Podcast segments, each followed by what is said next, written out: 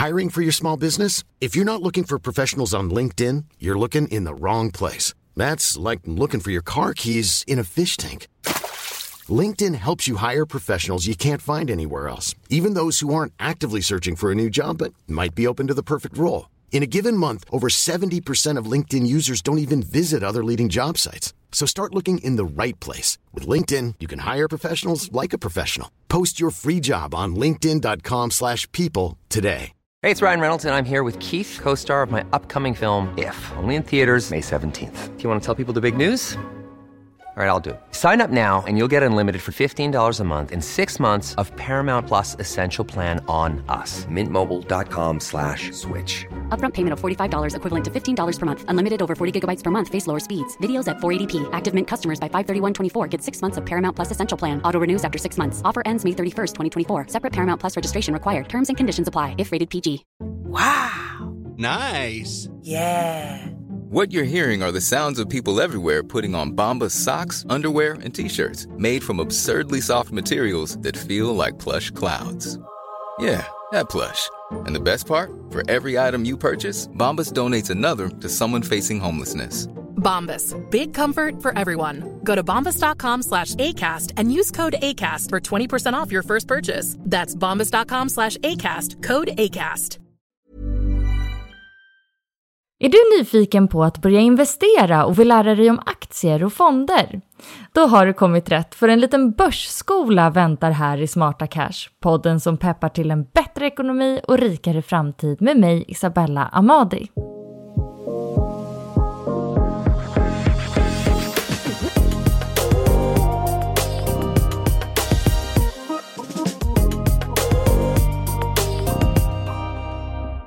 Ja, välkommen till dagens avsnitt där det blir en grundkurs i aktier och fonder med inga mindre än två tvättäkta experter, nämligen Johanna Kull och Linnea Wiklund på Avanza. Hej! Hej! Hallå!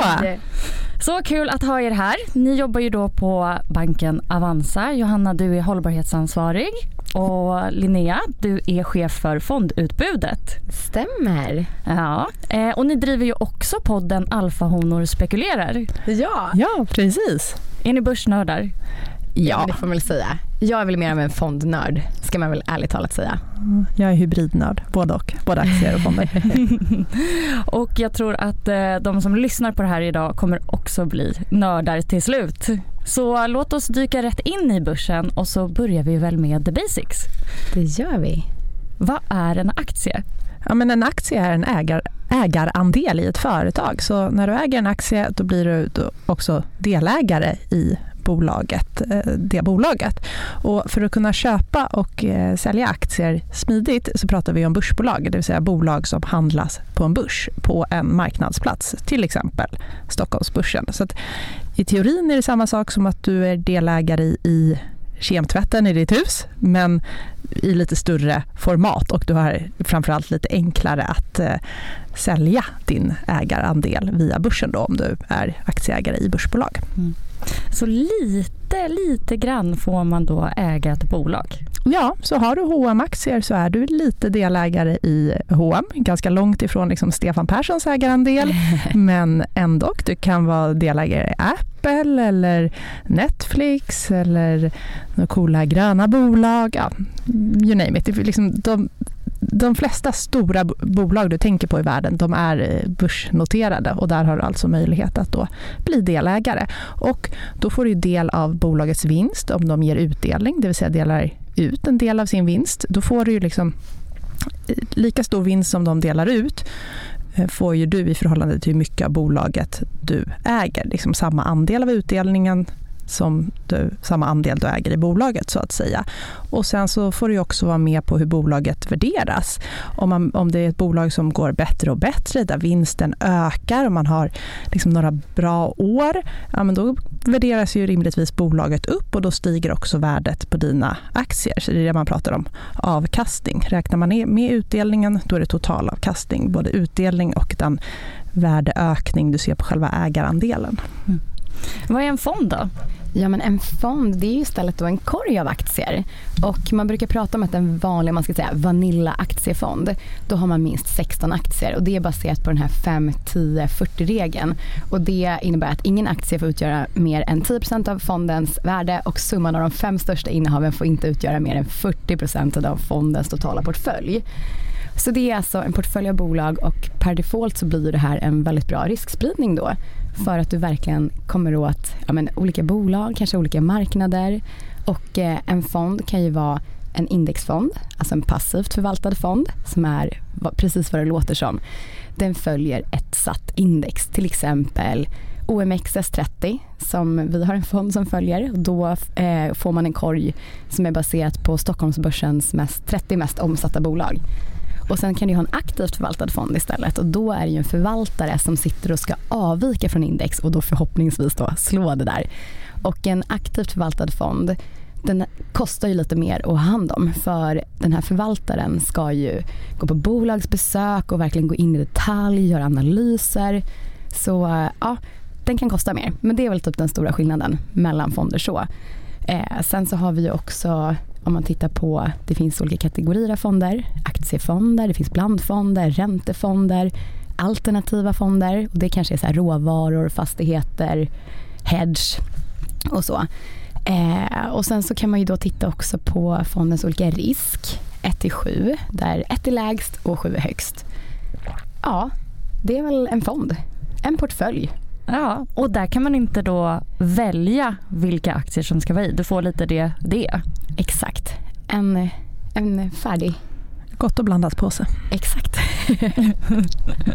ja men det är ju bra. Alltså, vad är, kan du inte dra den härliga eh, jämförelsen eller skillnaden mellan aktier och fonder?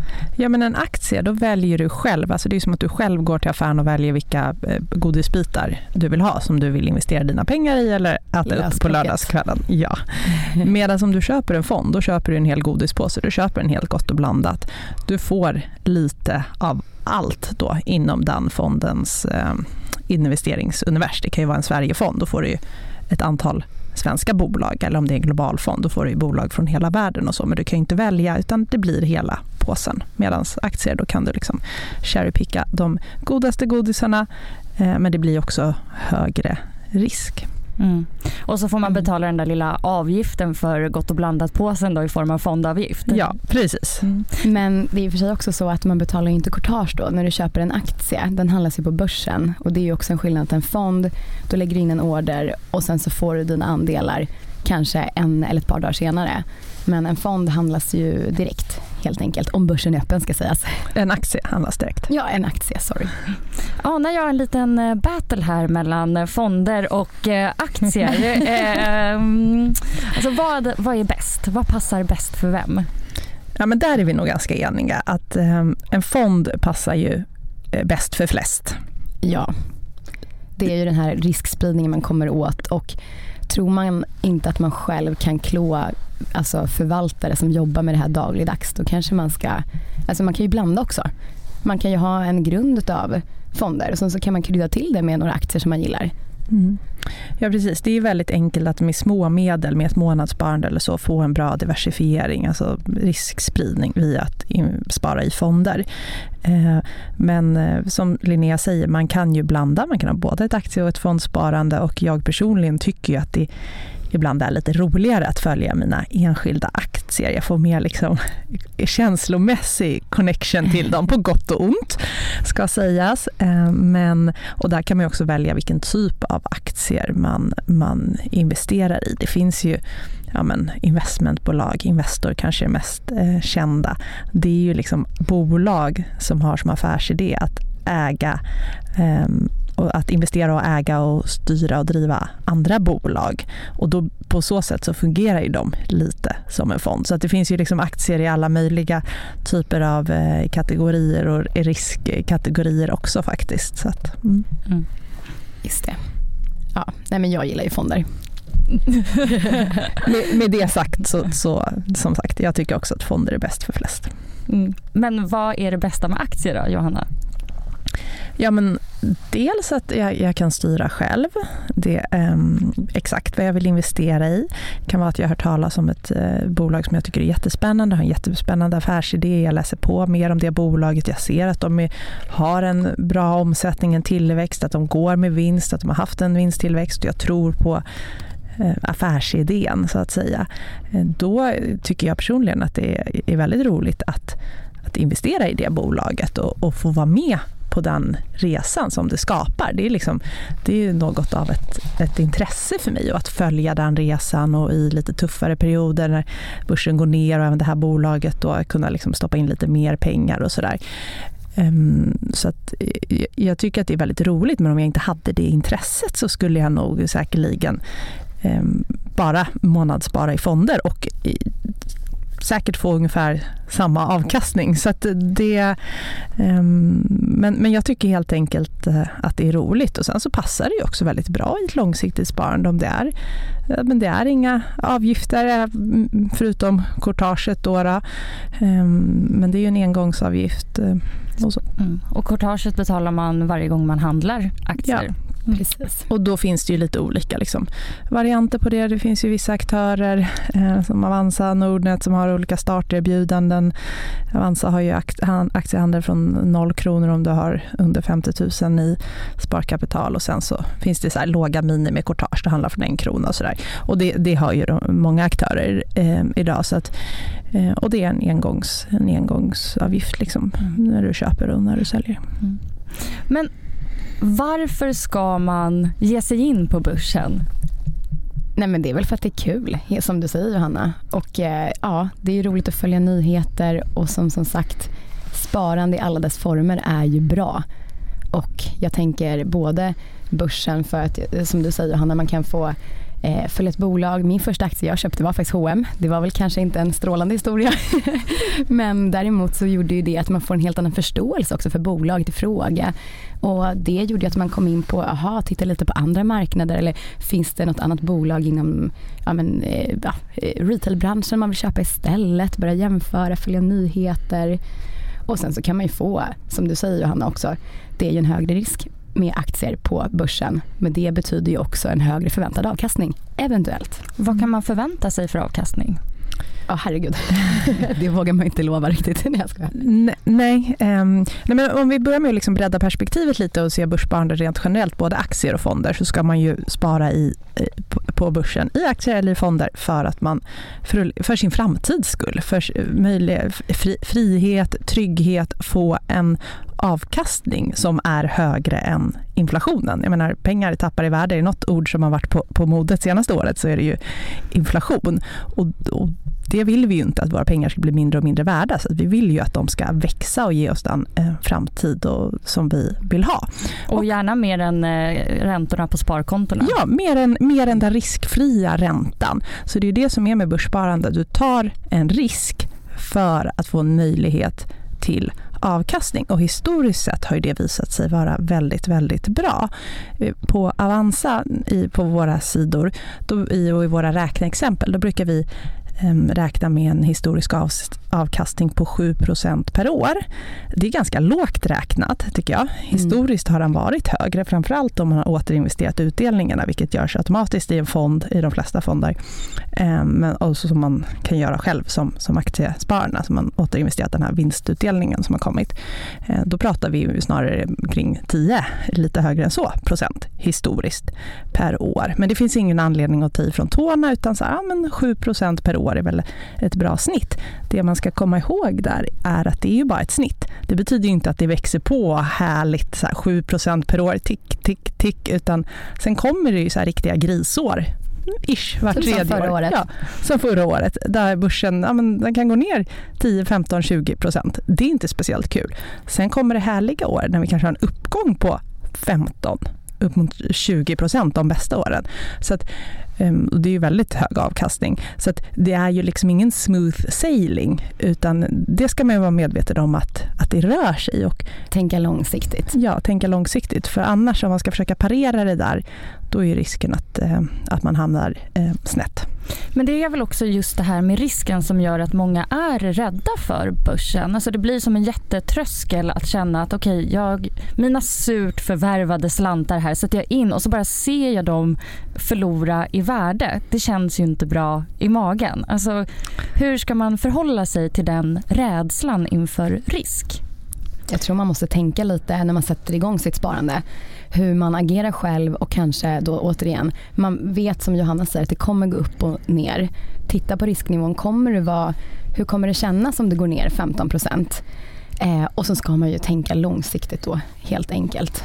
Hur långt är långsiktigt?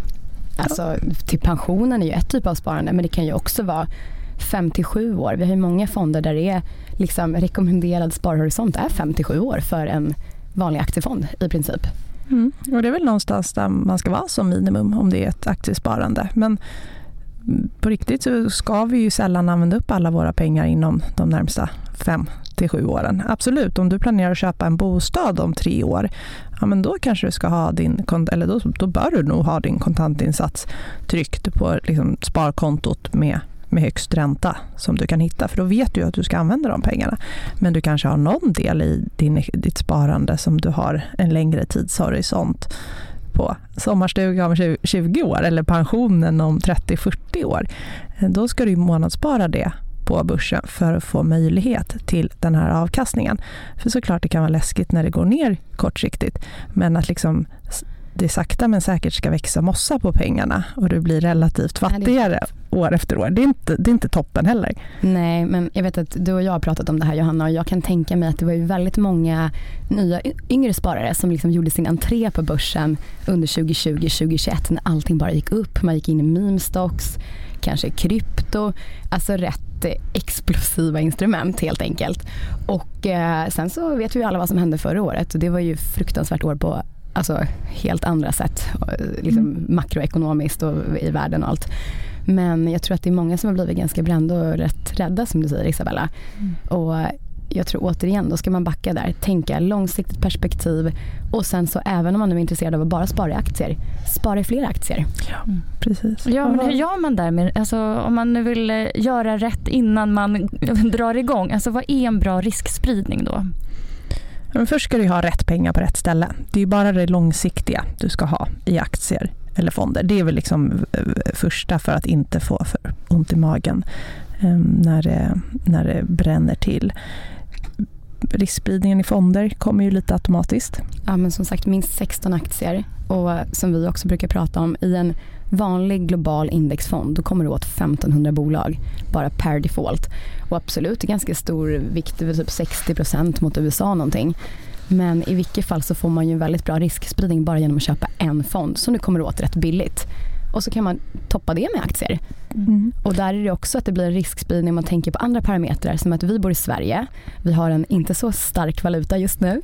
Man får kanske sin lön i svenska kronor, du kanske äger en fastighet i Sverige ja, och så vidare och så vidare. Du är rätt påverkad av den svenska marknaden och i en global fond så är du bara exponerad till typ 1,6% mot Sverige. Så då hedgar du lite bort mot mm. Sverige också. Vad betyder hedga? Just det, men att man säkrar. säkrar gör någonting som går tvärt det man har. Mm. Så. Hur ska man tänka med riskspridningen med sina aktier då, om man väljer att fokusera lite mer på det? Mm. Ja, men om man är aktiesparare så eh, organisationen Aktiespararna har något som de kallar sina gyllene regler och det handlar om att man ska äga mellan eh, 10 15 aktier i 5 7 olika branscher.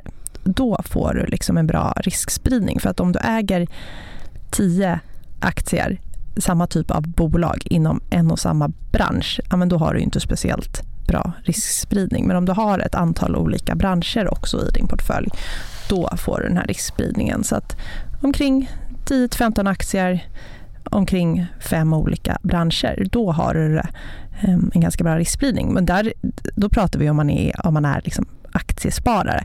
Sen kan det ju vara som så att du har basen i fonder men då är det inte riktigt lika viktigt att du har samma spread i din aktieportfölj, för du har ju redan den här riskspridningen. Så att du sparar i fonder och så kompletterar du med en, två, tre aktier. Det är en toppen riskspridning. Då behöver du inte ha tio olika.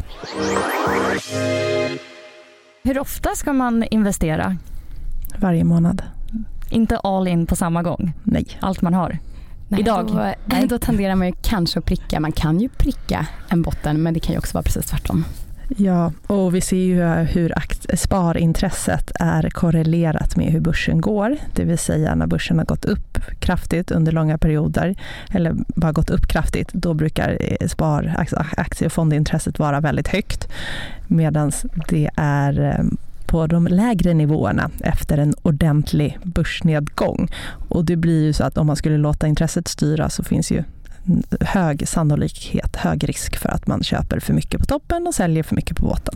Men det är ju absurt egentligen för alla vet ju att man vill ju köpa när det är billigt och sälja när det är dyrt. Alltså var, varför, varför, går, varför gör vi så här egentligen? Alltså, Men vi är känslor, alltså vi är inte helt Psykologi. rationella. Psykologi. Det är inte kul att logga in i en portfölj där siffrorna lyser eh, röda.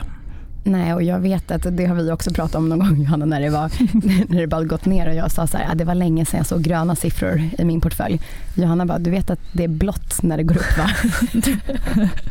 Det var länge sedan. Det var länge sedan. Ja, nej men så, så att, eh, ja, vi är människor och det, det är också att eh, folk kanske börjar prata börs och så kring fikabordet på jobbet eller i, på någon middag och sådär. Det gör, tenderar ju folk att göra när det har gått bra.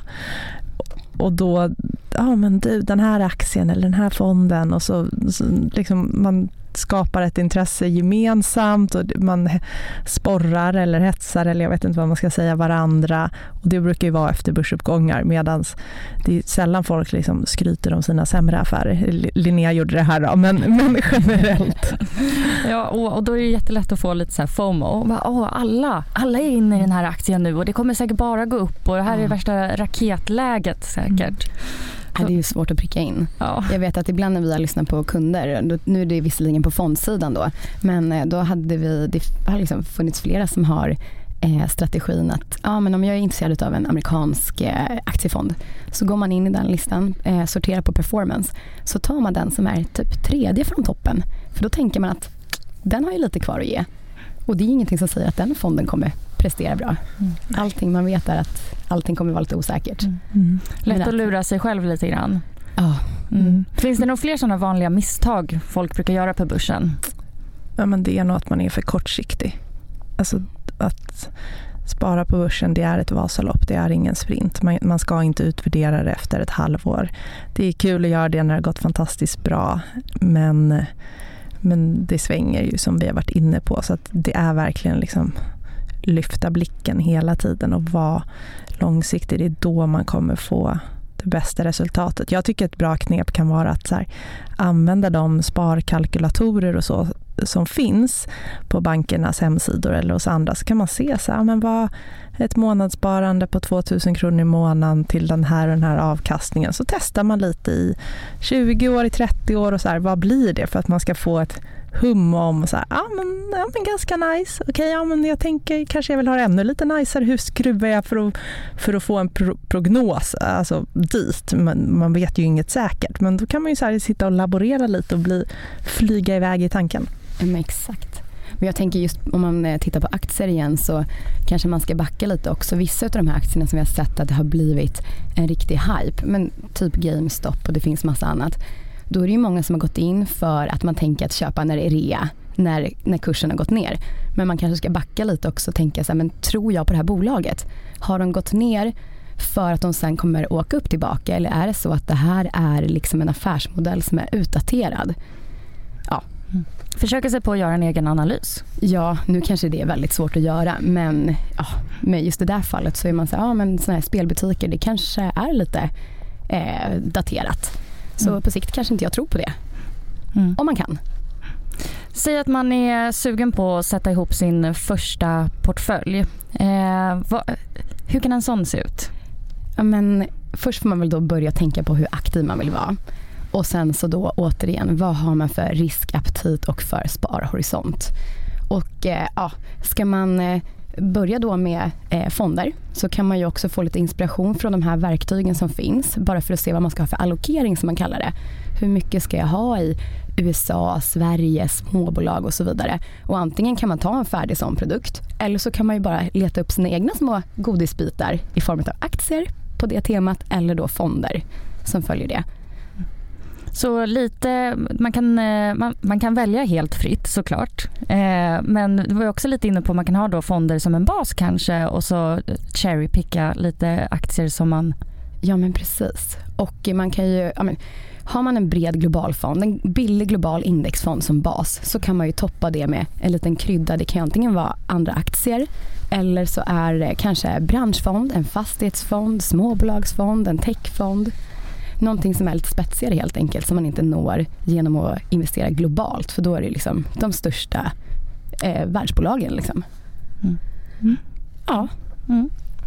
Kul. Eh, eh, vilka vanliga investeringsstrategier finns? Kan man liksom ta inspiration hur man ska tänka och bygga upp sin portfölj? Det finns otroligt många investeringsstrategier. Om vi tittar på aktievärlden så är väl den som den äh, vanligaste eller mest populära om jag ser till vad som läses på Avanzas blogg och vad, vad, vilka poddavsnitt som får många lyssningar och vad folk pratar om i sociala medier och så, så är det ju väldigt många som vill, som vill leva på utdelningar. Man är utdelningsinvesterare. Man vill hitta bolag som eh, ger en bra yield. Ja, har en bra yield som ger en utdelning um, så att man kan få liksom, passiva inkomster som det heter. Och hur funkar då utdelning om man inte är bekant med det här begreppet? Ja men utdelning det är ju att, um, om vi tar något enkelt fall här. Uh, vi har ett bolag, um, bolaget AB som uh, går med 100 kronor vinst ett år efter att man har räknat bort allting, eh, skatter och avgifter och allting. Så 100 kronor, då är det så här, okej, okay, vad ska vi göra med de här 100 kronorna? Ja, men vi skulle behöva investera i, i lite nya maskiner och lite nya system och så vidare. Vi har vissa investeringsmöjligheter som vi tror kommer göra att vi växer vår affär mer i framtiden. Om vi tar 30, 30 procent av det um, låter vi eh, återinvestera i liksom, verksamheten för att effektivisera, bygga affär och så vidare. Ja, men då har vi 70 kronor kvar och vi ser inte riktigt vad vi skulle kunna göra för de här pengarna som skulle driva vår affär. Nej, men då ska vi inte sitta och trycka på dem utan då delar vi ut dem till våra aktieägare, till våra ägare helt enkelt. Och det är då utdelningen. Och, sen får och då man, plingar det in där på ens konto? Då plingar det in på ens konto. Det är lite administrativa grejer som ska eh, ja, slås fast för, först. Det är bolagsstämman som, som beslutar. Det är liksom ett, ett bolags högst styrande organ, beslutande organ. Så då ska man klubba igenom. Man lägger fram ett förslag.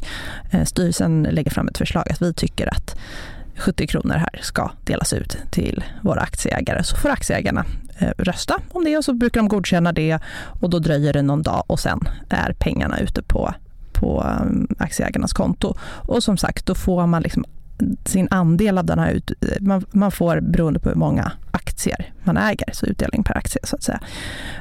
Och det här brukar ju ske vanligtvis kring ja, stämmosäsongen är i mars, april, maj ungefär. Så att det här har ju precis, vi har just pikat liksom ut, utdelningssäsong där plingat till i många telefoner här runt om i Sverige när man har fått utdelningen in på kontot. Och då kan man ju välja om man vill återinvestera de här pengarna ehm, eller om man vill liksom använda dem för att leva. Och det är väl dit många vill komma, man vill bygga upp en så pass stor portfölj med så pass hög utdelning som möjligt att man någonstans i framtiden kan ha det här som Um, en lön? Typ. Ja, precis. Det man ska komma ihåg där är att bolag som ger utdelning, det Alltså det, det, är högst, det kan vara högst rimligt för vissa bolag att inte ge utdelning. För att om man ser så här att ja, men om vi återinvesterar hela den här hundralappen i bolaget med nya maskiner eller strategier eller vi ska, vi ska ut på en ny marknad och det kommer kosta pengar. Men det kommer ge en katapulteffekt för vår affär. Och den här hundralappen kommer då om ett år ha gjort att vi har vuxit vinsten till 1000 kronor. Ja, men då är det ju bättre att man återinvesterar i bolaget. Så många liksom unga, man brukar prata om tillväxtbolag som ser en snabb tillväxt och mycket möjligheter fortfarande. De kanske inte delar ut eller delar ut en väldigt låg andel av sin vinst medan stora trötta elefanter inte, men, som inte riktigt, riktigt ser de här tillväxtmöjligheterna, ja, men de um, delar ut en lite högre med lite så bank och industribolag. Ja. Mm. Oljebolag tyvärr. Telia, alltså den typen, alltså telekomoperatörer. Det är väl liksom inte så att deras affär kommer växa explosionsartat hur mycket de än investerar i sin liksom, affär. Så, där. så att um, Och det man brukar göra är att man brukar prata om direktavkastning. Då sätter man eh, utdelningen i relation till aktiepriset. Så att om, om utdelningen är 5 kronor eh, per aktie och aktiekursen idag är på 100 kronor, ja, men då är det ett bolag med en direktavkastning i dagsläget på 5% Det är ganska högt. Eh, och då kan man säga, ah, men varför är den så högt? Kommer de kunna behålla den här utdelningsnivån? Kommer de kunna höja utdelningen? Får man kika på lite av den typen av frågor. Ehm, men eh, så. Men med det sagt så behöver inte den här utdelningsstrategin vara bäst för alla som är liksom lite yngre och som vill ha högst totalavkastning, då kan det bli lite snett att bara titta på, titta på utdelningen. För mycket kommer ju också från liksom aktiekursutvecklingen. Så man ska, inte, man ska inte förblindas helt av utdelningsstrategin. I'm Sandra and I'm just the professional your small business was looking for. But you didn't hire me because you didn't use LinkedIn jobs. LinkedIn has professionals you can't find anywhere else, including those who aren't actively looking for a new job but might be open to the perfect role, like me. In a given month, over 70% of LinkedIn users don't visit other leading job sites. So if you're not looking on LinkedIn, you'll miss out on great candidates like Sandra. Start hiring professionals like a professional. Post your free job on linkedin.com/people today. Since 2013, Bombas has donated over 100 million socks, underwear, and t-shirts to those facing homelessness. If we counted those on air, this ad would last over 1,157 days. But if we counted the time it takes to make a donation possible, it would take just a few clicks. Because every time you make a purchase, Bombas donates an item to someone who needs it. Go to bombas.com slash ACAST and use code ACAST for 20% off your first purchase. That's bombas.com slash ACAST, code ACAST. Strategin. Mm. Nej, jag vet att vi, nu kommer jag in här med fondperspektivet igen. Ja. Nej, men det finns ju en del fonder som har utdelningar och då ska man ju också såklart tänka på som alltid vilket konto man sparar på så att det inte blir någon slags dubbelbeskattning. Men också så vet jag att när vi har pratat, det finns folk som är utav lite olika skolor där. Man skulle ju lika gärna bara kunna bestämma att man säljer av 5% av sitt innehav varje år. Mm. Alltså oavsett vad det är, utdelning eller inte. Mm. Ja, den dagen man liksom vill börja leva på pengarna. Ja, men att man liksom osthyvlar av en del av helt, hela sitt kapital istället för att man investerar i bolag och bara stirrar sig blind på att få den här utdelningen. Mm. Skapa sin egen utdelning. Ja, men mm. lite så. Mm. Men det finns ju som sagt jättemånga strategier. Man kan ha som strategi att man vill investera i tillväxtbolag som Ehm, som har en hög omsättning och omsättningstillväxt. Då måste man också börja kika lite på, så här, är det bolag som går med vinst? Växer vinsten? Vad tror jag om möjligheterna framåt och så vidare. Så det, det finns en hel radda eh, grejer man kan titta på. Men ett bra tips till liksom normalintresserade, eller kanske till alla faktiskt, det är att man man inte försöker vara för smart alltid. Alltså, mm, det kan vara bra att ha lite fonder, indexfonder i ryggen, breda aktier. Eh, för det kan ju vara så att man ibland, kanske inte ofta, men det händer ju att vi människor har fel. Och då är det ju tråkigt om jag har satsat liksom alla mina pengar på den här strategin. Mm, ja, och vi kommer alla göra fel och göra misstag. Det får man ju bara lära sig leva med, inte bara i ekonomin men mm. in life in general. Men om man då sitter och, ja men här har jag hittat lite aktier som jag är lite nyfiken på. Eh, vad behöver jag titta på när jag analyserar en aktie? Ja, men, eh, det du kan titta på det är ja, men ge bolaget utdelning. Eh, hur, stor vinst, eh, hur stor andel av vinsten delar man ut? Vad är utdelningsandelen? Är det så att man delar ut 100% av vinsten, ja, men är, det, är det långsiktigt hållbart? Liksom? Ja, kanske inte. Ehm, har det här bolaget, vad har det för omsättning? Har det en omsättningstillväxt? Har liksom affären vuxit år efter år? Och har själva vinsten vuxit? Eller är det så att vinsten har minskat de senaste åren? Ja, men har det gjort det något år? Ja, det kanske finns rimliga anledningar. Det har varit pandemi, ja, det kan vara vad som helst. Men man vill ju ändå se en långsiktig trend, en långsiktig eh, positiv trend. Så man vill helst se att både omsättningen och vinsten stiger? Ja, du vill helst se att både omsättningen och vinsten stiger. Eh, det är liksom framförallt vinsten vi är ute efter. Det är det som bolaget eh, mycket värderas efter. Jag tycker att man ska gå in på bolagets IR-sidor, Investor Relations-sidor och titta på den senaste rapporten rapporten, alltså kvartalsrapporten, läs kanske lite i årsredovisningen. Hur kommunicerar bolaget? Hur beskriver de sin affär? Vad säger de själva? Och så gör det liksom ett, ett par kvartal, alltså jämför. Om du kollar på årsredovisningen nu så kan du jämföra med hur de beskrev förra året. Vad står de inför risker och utmaningar? Vad ser de för möjligheter? Så kan man skapa sig en bild av det. Men om man ska titta på några sådär siffror så omsättning och vinst det är ju lite det är liksom grunden i bol, bolagsbyggande. Det är ganska enkelt att förstå. Man, bolag ska sälja sina produkter och tjänster och de ska gå med vinst. Mm. Det är det vi vill. Och ska man vara långsiktig vill man också att de ska finnas kvar i framtiden antar ja, jag. Så då får man ju fundera lite kring affärsidén. Är det, här, är det här någonting som passar in i en hållbar värld och det som världen har committat mot och har de lösningar på de utmaningar och liksom akuta problem vi står inför? Eller är det snarare ett oljebolag som har en produkt som faktiskt inte det är inte förenligt med den värld vi måste uppnå. Mm, sa hållbarhetsansvarig där. Exakt, och det finns nya mätetal att titta på där. Ja. Mm. Faktiskt. Men när du sa också Johanna, jag tänkte bara säga det, när det omsättning och vinst, då kan man titta på det här P talet mm. Price over earnings för att se om det är ett undervärderat eller övervärderat bolag också när man går in. Ja, precis. Mm. Och det där P talet kan ju kännas lite komplicerat. Hur ska man eh, förstå det? Ja, men eh, P talet det, det, det, är som någon slags eh, kilopris eller jämförelsepris på ett bolag där man tar priset per aktie genom vinsten per aktie. För att, och då får du en siffra som säger liksom, om jag köper den här aktien, hur många års vinster, hur många års vinst på min aktie betalar jag för det? Ehm, alltså, om vi har ett bolag som, eh, där aktiekursen står i 100. Eh, vinsten per aktie är 10 kronor. Ehm, ja, men då är P talet 10. För aktiekursen är 100, du delar det med vinsten per aktie som, som är 10 och då får du fram ett tal som är 10.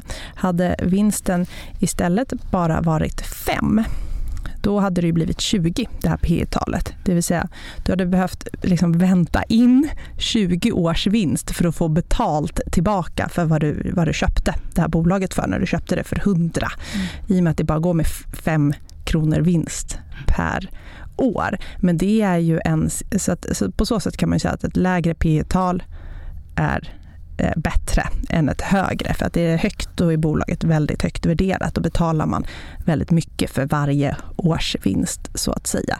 Men det, det blir ju en ganska statisk bild. För det, i det här bolaget som bara har 5 kronor i vinst idag, de, deras vinst kanske prognostiseras, är prognostiserad att växa betydligt snabbare än det här bolaget där den kanske kommer stanna på 10 kronor i x antal år framöver. Så det blir ju liksom en ögonblicksbild. Mm. Ja, så det kan dels vara om det är högt P tal så kan vara lite övervärderat eller mm. så väntar man sig en stark tillväxt. Ja, precis. Mm. Hur väljer man ut eh, fonder då? Ja, nej men för det första då, det nämnde du tidigare, men det finns ju olika kategorier av fonder. Aktiefonder, räntefonder, blandfonder och alternativa fonder. Och det är ju liksom lite bara så här, ja men en räntefond, ja just nu så finns det ju lite spännande räntefonder som kanske ändå, de som är så här penningmarknad. Då brukar man prata om investment grade, om det är jättehög kreditvärdighet och så. Kanske i dagsläget inte ger så mycket inte så mycket mer spännande än ett sparkonto. Men så finns det high yield och då pratar man om de bolag som är mindre kreditvärdiga. Så. Men om vi säger att man har valt lite vilken inriktning man vill ha på fonden så ska man ju sen titta på då, vill jag ha en aktivt förvaltad fond eller en indexfond?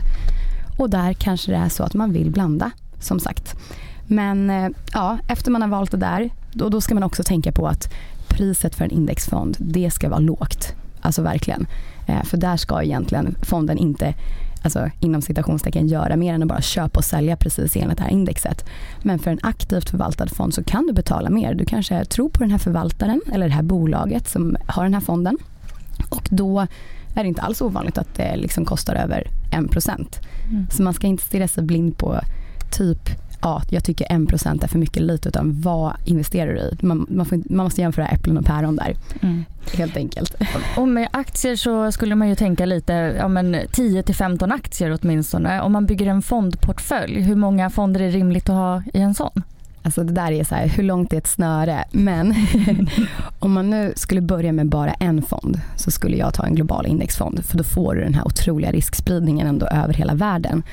Men sen så tycker jag att är man lite intresserad så är det ju kul att gå in i till exempel ja, men kanske en health tech-fond eller en spetsigare tech eller innovationsfond eller en ja, annan branschfond, fastigheter. Det finns också industri, skog, bara småbolag eller mikrobolag, nordiska, svenska, globala, eh, tillväxtmarknader. Så man kan, ju, man kan ju sätta ihop sin portfölj lite som man vill. Men det man kanske ska tänka på är att man inte, ja, du behöver, jag skulle kanske inte ha en så här, ja men ett gäng globala indexfonder för det enda du får då är ju exponering på exakt samma mot samma aktier, more or less, om mm. de följer samma index. Det enda du får då är kanske att du får en indexfond som är dyrare. Men eh, ja, däremot så kan man ju på aktiva sidan så är det ju mer unika produkter för där har ju alla förvaltare mer eller mindre en unik strategi eller analys. Mm. Men man behöver inte då titta på varje bolag som finns i fonden. Jättejobbigt också om det liksom är 1600 eh, ja, bolag som finns där. Men det är det som är tjusningen här, att det har du överlåtit till själva fondförvaltaren. Mm. Men när man väljer fond då, vilken research ska man göra själv? Ja, men jag tycker det finns ju också olika mätetal eller datapunkter att titta på där. Men eh, det är ju någonting som man brukar prata om att så här, historisk avkastning är ingen garanti för framtida avkastning. Lite lökigt, men så är det. Men med det sagt så finns det ju de här stjärnorna som man kan titta på på en fond och den, den säger ja, men hur har den här fonden avkastat jämfört med sina peers, eller alltså eh, fonder inom samma kategori. Och eh, har vi en fond som har fyra eller fem sådana här Morningstar-stjärnor då tycker i alla fall jag att det ger ju kanske en bättre indikation på att man kommer klara sig bättre kontra sina liknande fonder. Vad betyder Morningstar-stjärnor? Vad är det för något? Jo, men då är det baserat på hur man har avkastat jämfört med sina, om du tittar på till exempel globala småbolag, då har du kanske en fond där som har fem stjärnor. Och det här är precis som betygssystemet. Det är 1 till 5 och precis som i betygssystemet tror jag att det fortfarande är, är att alla i klassen kan inte få MVG. Utan man delar upp det här så det är verkligen inom sin kategori. Men nu lever du i historien. Ja, jag kände det är också inte nu, väldigt, du är väldigt gammal nu här. Jag tror att det är A till F som gäller. Ja, men, just det. Eh, Och det är inte relativt. Men... Okej, men i en sån värld där det var så. I det här fallet så är det i alla fall så att alla kan inte få fem. Mm. Och det gör ju också att vi faktiskt kan jämföra. Mm. Så är det en som har en etta så har den presterat sämre. Mm. Men utöver det så ska man ju titta på avgiften ändå tycker jag. Eh, har du gått in på att du vill ha en indexfond, vi brukar väl ha någon tumregel att 0,3 det kanske är max. Sen så är det ju beroende på vad det är för typ av indexfond. Men en bred indexfond, Sverige, global, Europa, USA. Ja, då är ju 0,3 eller du kan komma ner ganska bra mycket under det. Men sen så finns det också olika delar av avgiften som jag tycker man ska vara lite uppmärksam på och som ett väldigt tört regelverk har gett oss här, Mifid 2018, men sen dess så kan vi faktiskt se helt annan typ av uppdelning på avgifterna. Det finns ju fonder som tar ut en rörlig avgift. För det man brukar titta på annars är en fast avgift. Det dras varje dag en 365 del av den där avgiften i navet, i kursen på fonden. Så det dras liksom hos fondbolaget. Men sen så finns det det här som heter rörlig avgift och det kan vara ganska mycket. Det kan vara 20% av överavkastningen mot index. Och vissa som har den här rörliga avgiften har satt den här jämförelseindexet ganska lågt. Det kan vara mot riskfri ränta.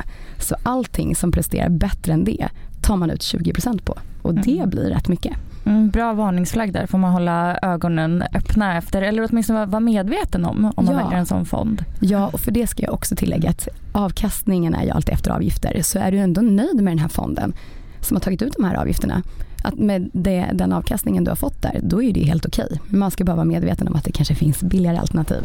Mm. Var hittar man spännande fonder och aktier? Alltså var, söker man, var söker man upp dem? Var hittar man inspiration? Aktier kan du hitta inspiration för överallt, alltså i ditt dagliga liv så att säga. Vilka bolag stöter du på? Vilka bolag är du kund hos? Och kanske ännu mer, du, du kollar på nyheterna på kvällen. Vad pratar man om? Ja, men nu har man i ett och ett halvt år pratat om halvledarbristen och det akuta hotet där. Ja, men det kan ju väcka, väcka lite så tankar. Jaha, men vad finns det för bolag på det här området och så vidare. och så vidare. Ska man ha, något mer, ännu mer konkret eller vad man ska kalla det så kan man ju ja, men läsa Eh, finanstidningar och tidningar. Vi har Placera som eh, Avanza äger ska jag säga för transparensens skull. Men det är ju helt utan Eh, alltså det, det, är inga betalväggar så att säga. Eh, EFN som du jobbar en del på Isabella, det är ju också eh, börs, förvaltare som gästar och pratar om börsbolag och man pratar om nyheter och så vidare.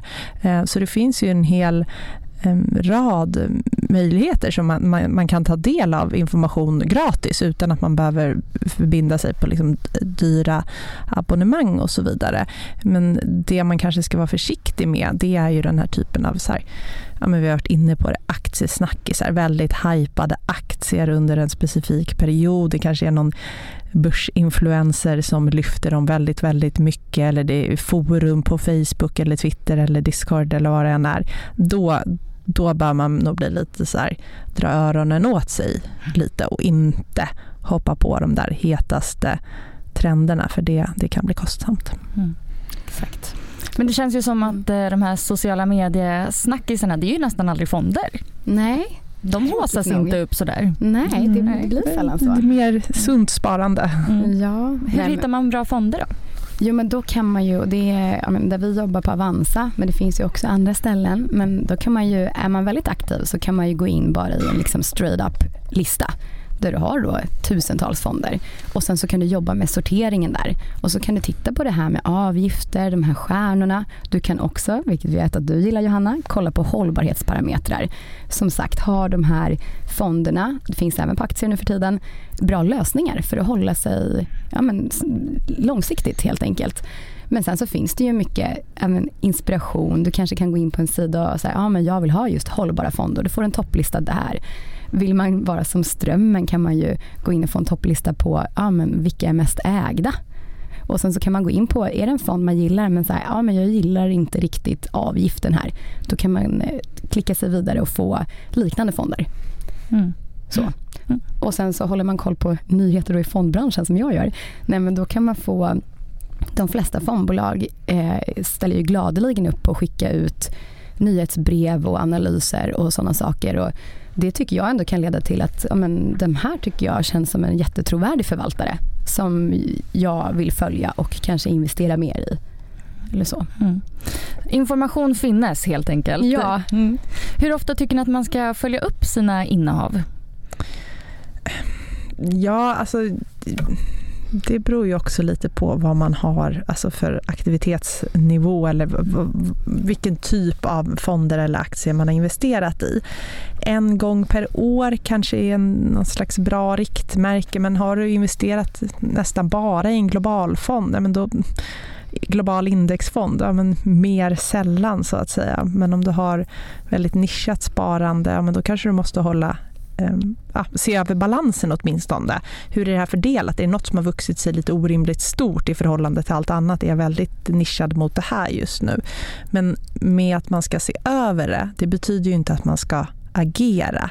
Det är ju verkligen inte så att man bara då ska sälja vinnare och börja investera i förlorare eller tvärtom. För, för det kanske inte heller är rimligt. Men bara att du kan ta medvetna och informerade beslut kan ju vara klokt. Men det kanske också är lite kopplat till den här psykologin om man vet hur man själv agerar. Blir man väldigt stressad så kanske mm. man faktiskt ska försöka att låta bli att gå in om det är lite stökigt på börsen. Jag vet att vi snackade om det, att men, nu är väl det länge sedan, men innan vi, gissar jag, alla började investera, då kanske du behövde ringa upp till din bank mm. eh, för att för det första lägga en order, men för det andra att ens få veta så här, hur dina aktier har gått. Eh, Komma på ett fysiskt möte. Ja, och nu kan man helt plötsligt gå in och slänga sig på köp eller sälj-knappen direkt. Mm. Inte, alltid helt, inte alltid helt rationellt. Nej. Ja, lättillgängligt men det kan också ställa till det. Mm. Ja, allt, allt är bra kommer kanske med något dåligt också. A blessing and a curse. Ja. Har ni några sista råd ni skulle vilja skicka med till nybörjarinvesteraren? Ja, men bara allt sparande är ett bra sparande och jag tycker framförallt det här som vi har pratat om mycket Johanna men Eh, vi vet att eh, kvinnor generellt kan tendera att ha liksom en lägre, ett lägre självförtroende när det kommer till att sätta igång och spara bara. Man tror att man behöver läsa en bok eller gå på något seminarium eller något sånt där. Men det är ju så att vet man att man vill spara och vet man att man kanske vill spara lite långsiktigt, global indexfond, kör. Ja, alltså bara kör. Du kommer lära dig under tiden det du måste lära dig och det är i ärlighetens namn inte jättemycket. Men håll inte på så här, läs på till förbannelse. Mm, nej. nej, man kan ju faktiskt också lyssna på min podd. Ja. Lite flera Ja. eh, avsnitt som jag har gjort om eh, börsen. Till exempel mitt tredje avsnitt där Johanna, du var ju faktiskt med Ja. gjorde en liten crash course i aktier och fonder då. Eh, och så ska ni också lyssna på nummer 9, 10, 18, 26, 41, 54, 56 och 67. Det där noterade alla hoppas jag. Spola tillbaka och notera det om inte annat. Exakt. Men jättetack för att ni var med och hjälpte till med den här uh, börsguiden här. Superkul att vi fick komma, tack snälla. Ja, tack snälla. Eh, och om man vill eh, hitta er, följa er, lyssna på er, kan ni göra lite reklam för er själva här? Jo men eh, tack så gärna. Jo, men vi har en podd som heter Alfahonor spekulerar och man kan följa oss på Insta och där heter vi Alfahonor. Ja, kort och gott. Så himla bra. Följ oss där. Ja. Ja. Jättestort tack till dig som har lyssnat på det här. Vi hörs igen. Hej då! Hej hej! Hej hej!